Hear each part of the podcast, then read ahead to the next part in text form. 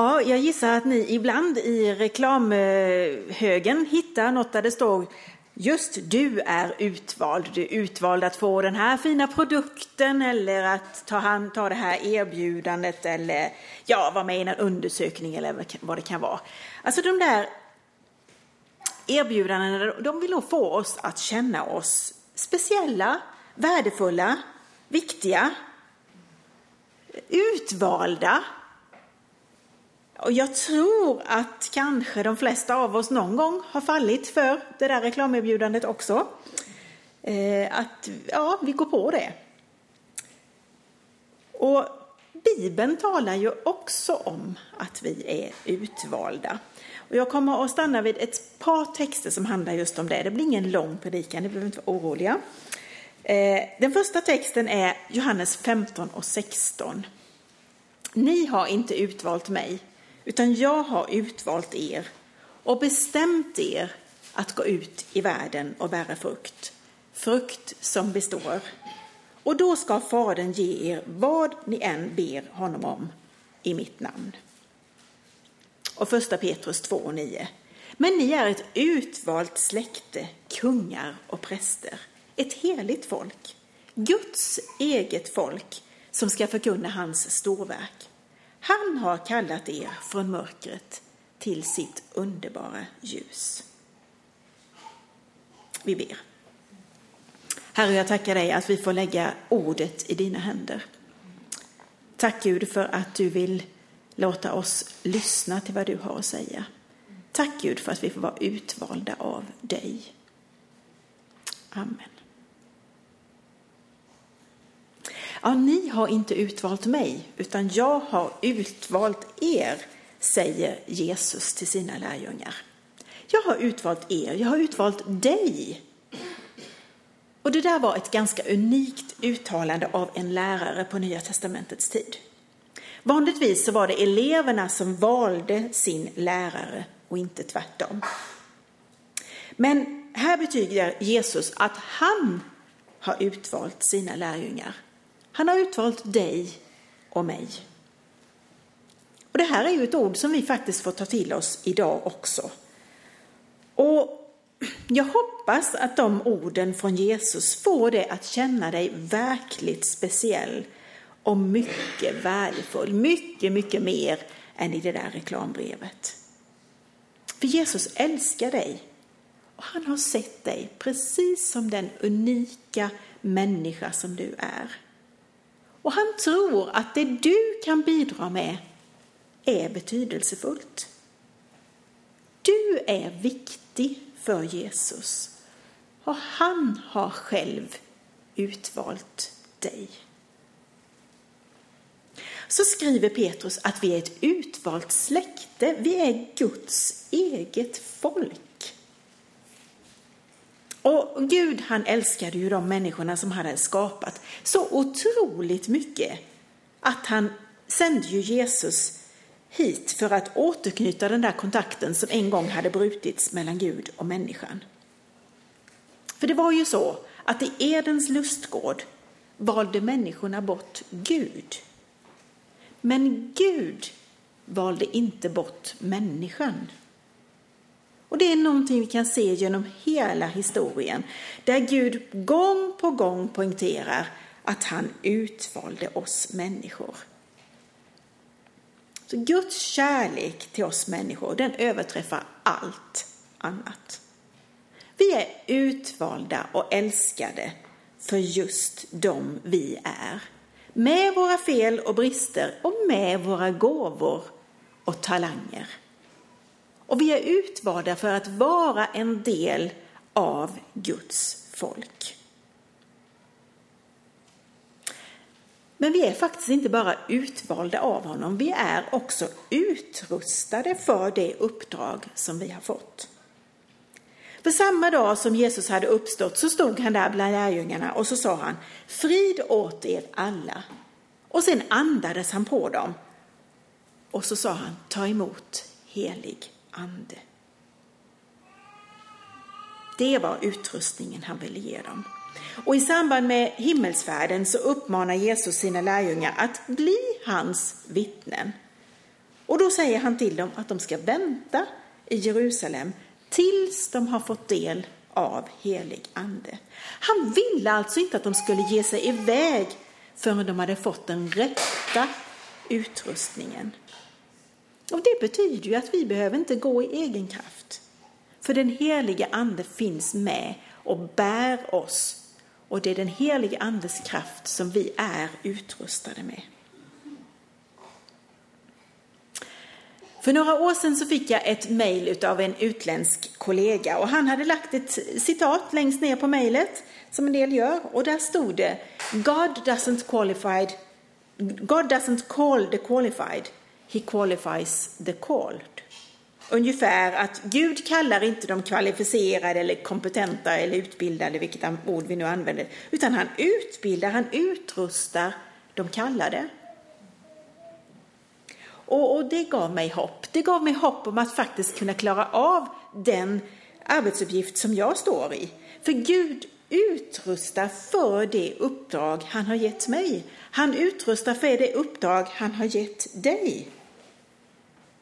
Han har utvalt oss, han har utvalt dig och mig och han ger oss då också den utrustning som vi behöver för det uppdraget. Och det kan vara just det här, och det är tror jag alltid, att bli fylld av den heliga Ande. Men det kan ju också vara att, att Gud ger oss den där gudomliga visheten och kraften. Han ger oss tankar och idéer som vi kanske inte egentligen alls själva skulle kunnat komma på. Och jag minns speciellt ett tillfälle när vi var i Indien och var upp, ute på ett riktigt tufft uppdrag. Och vi hade ett stort bönestöd med oss här hemifrån, det visste vi. Och vid tre tillfällen där så upplevde vi så otroligt tydligt att här är det Gud som ger oss de tankarna och de eh, orden att säga i just det här tillfället. Eh, och det, det, ibland är det så att vi riktigt, riktigt tydligt kan uppleva att det där var Gud som gav oss de tankarna. Och jag tror att just den gången så berodde det också väldigt mycket på att vi hade ett stort bönestöd där hemma. För bön är ju också ett sätt att utrustas för uppdraget. Det måste finnas där och det måste finnas i min egen bön, men jag tror också det måste finnas i församlingens bön för sina utsända. Att har man det bönestödet med sig, ja men då, då blir man också utrustad för uppdraget. För Gud talar ju genom bönen på olika sätt. Sen säger texten i Johannesevangeliet också här då att, att Jesus har bestämt oss till att vi ska gå ut i världen. I världen. Så att gå ligger också i utväljandet. Och traditionellt så har vi väl tänkt oss att det handlar om en tjänst i andra delar av världen. Men eh, jag tror att det handlar om mer än det. För alla är vi utvalda att gå till olika delar av världen.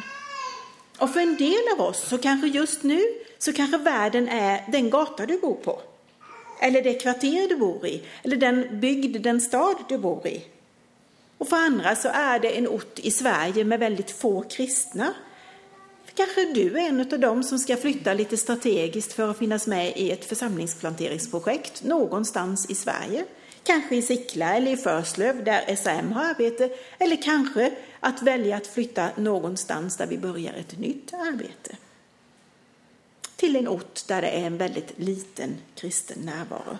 För andra så kan det handla om det där att korsa kulturgränsen, att åka till ett annat land, att arbeta socialt eller att översätta Bibeln eller grunda församlingar, utbilda ledare, vad det nu kan vara för arbetsuppgift. Och det är ju lite mer kanske att bli missionär i ordets traditionella bemärkelse.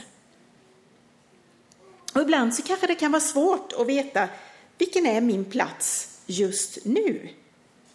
Och då tror jag att det är riktigt viktigt det där att vandra i Jesu fotspår, att lyssna in hans röst. Och det gör vi genom att läsa bibelordet, genom kanske att lyssna till profetiska tilltal, kanske genom vad andra människor uppmuntrar dig till att göra. Gud talar ju genom andra människor till oss också. Och lyssna in och försök att förstå på vilket sätt Jesus vill använda dig och dina gåvor just nu. Vilken värld är det han har kallat dig till att vara i just nu? Är det din gata? Är det en annat ställe i Sverige? Är det någonstans i ett annat land? Ja, lyssna in Guds röst. Men varför är vi då utvalda? Vad är det vi ska göra?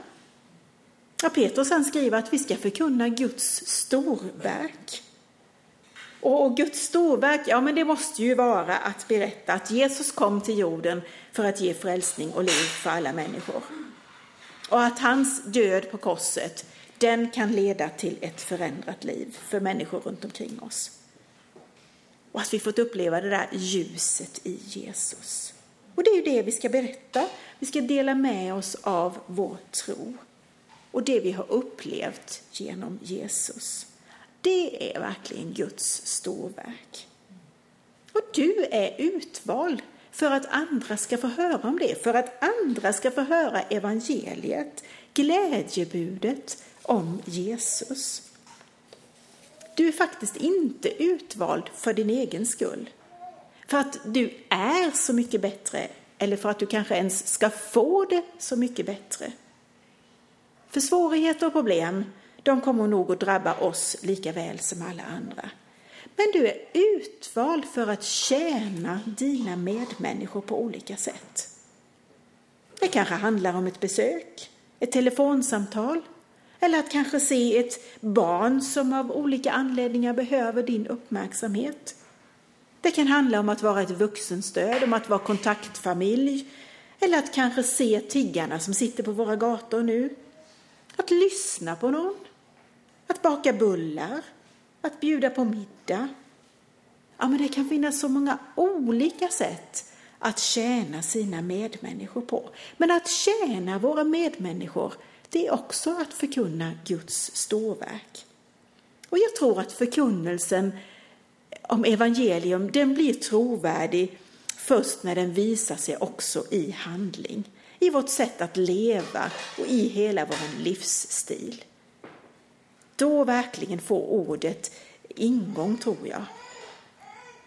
Så ligger det ju en stor utmaning i det Jesus säger här i Johannes evangeliet. Det är inte bara det att vi ska gå, utan han säger också att vi ska bära frukt. Och det är något som han har bestämt att vi ska göra. Han har bestämt att du och jag ska bära frukt. Och den där versen, att ni har inte utvalt mig utan jag har utvalt er, den har jag burit med mig under alla mina år som missionär i Zimbabwe. Och det kändes ju verkligen positivt att få tänka på det, att Gud har utvalt mig. Det är inte jag som står här av egen kraft. Men det där med att han har bestämt mig till att bära frukt. Ja, det kan jag tänka att det fortfarande, ja det kändes då och det känns nog fortfarande lite sådär skrämmande. Vad, vad menar Jesus med det egentligen? Vad är det för frukt jag ska bära? Och handlar det bara om att vittna för människor och be, till, men, be för människor till frälsning? Eller kan jag faktiskt bära frukt på något annat sätt? Det var frågor som jag funderade på många gånger. Jag ser mig nog mer själv som en omsorgsmänniska än en evangelist som är ute och eh, ger evangeliet i ord till människor. Jag tror att jag visar mer min tro genom det sätt jag lever än genom vad jag säger. Men, men det där är inte så lätt att mäta. Hur mäter man då om man har burit frukt? Och hur kan man veta om man är en förebild? Ja, hur kan vi veta att vi bär frukt, det som han har bestämt oss till att göra? Och jag tror faktiskt att fruktbärandet, det, det kan se ut på olika sätt allt efter de gåvor som Gud har lagt ner i oss. För Paulus han säger ju så här att jag planterade, Apollos vattnade, men Gud gav växten. Och på samma sätt som Paulus då kände att han var en del i länken här för att det skulle bli växt, så tror jag att vi kan få vara en del i länken fram till människors ställningstagande för Jesus. Våra gåvor, vilken gåva det nu än är, kan få vara en del i det. Eh, och att hitta sin plats här och att, att, ta sin plats i den här länken, i den här kedjan, det tror jag är viktigt och det tror jag är att bära frukt. Att vi faktiskt gör det som Gud har gett oss gåvor till att göra. Så kom ihåg att Gud har utvalt dig. Du är unik i hans ögon. Du är utvald för att tjäna honom och tjäna andra människor med de gåvor som du har fått. Så ta lite tid och lyssna in Guds röst för att få veta vilken tjänst är det som han vill ha dig i just nu. Vilken är din kallelse? Och det tror jag skiftar genom olika skeden i livet, allt efter hur vår livssituation ser ut.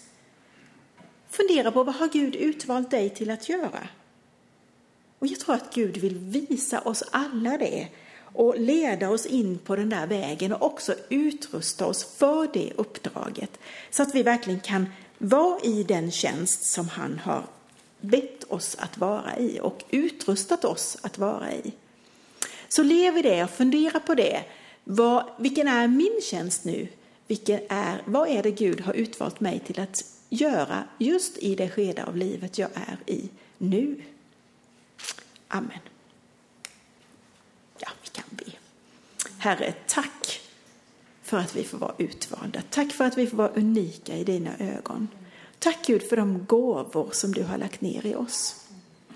Herre, hjälp oss att se vilken del av världen du vill sända oss till. Vilken är våran värld just nu? Vilka är våra utmaningar som vi ska ta oss an just nu? Herre, hjälp oss att se på de gåvor som du har lagt ner i oss för att kunna använda dem så som du vill. Det ber vi dem. Jag ber speciellt för den här församlingen, att de ska hitta sin roll också där de finns, eh, som församling och som enskilda. Tack Gud för att du vill använda dem rikligt. Amen.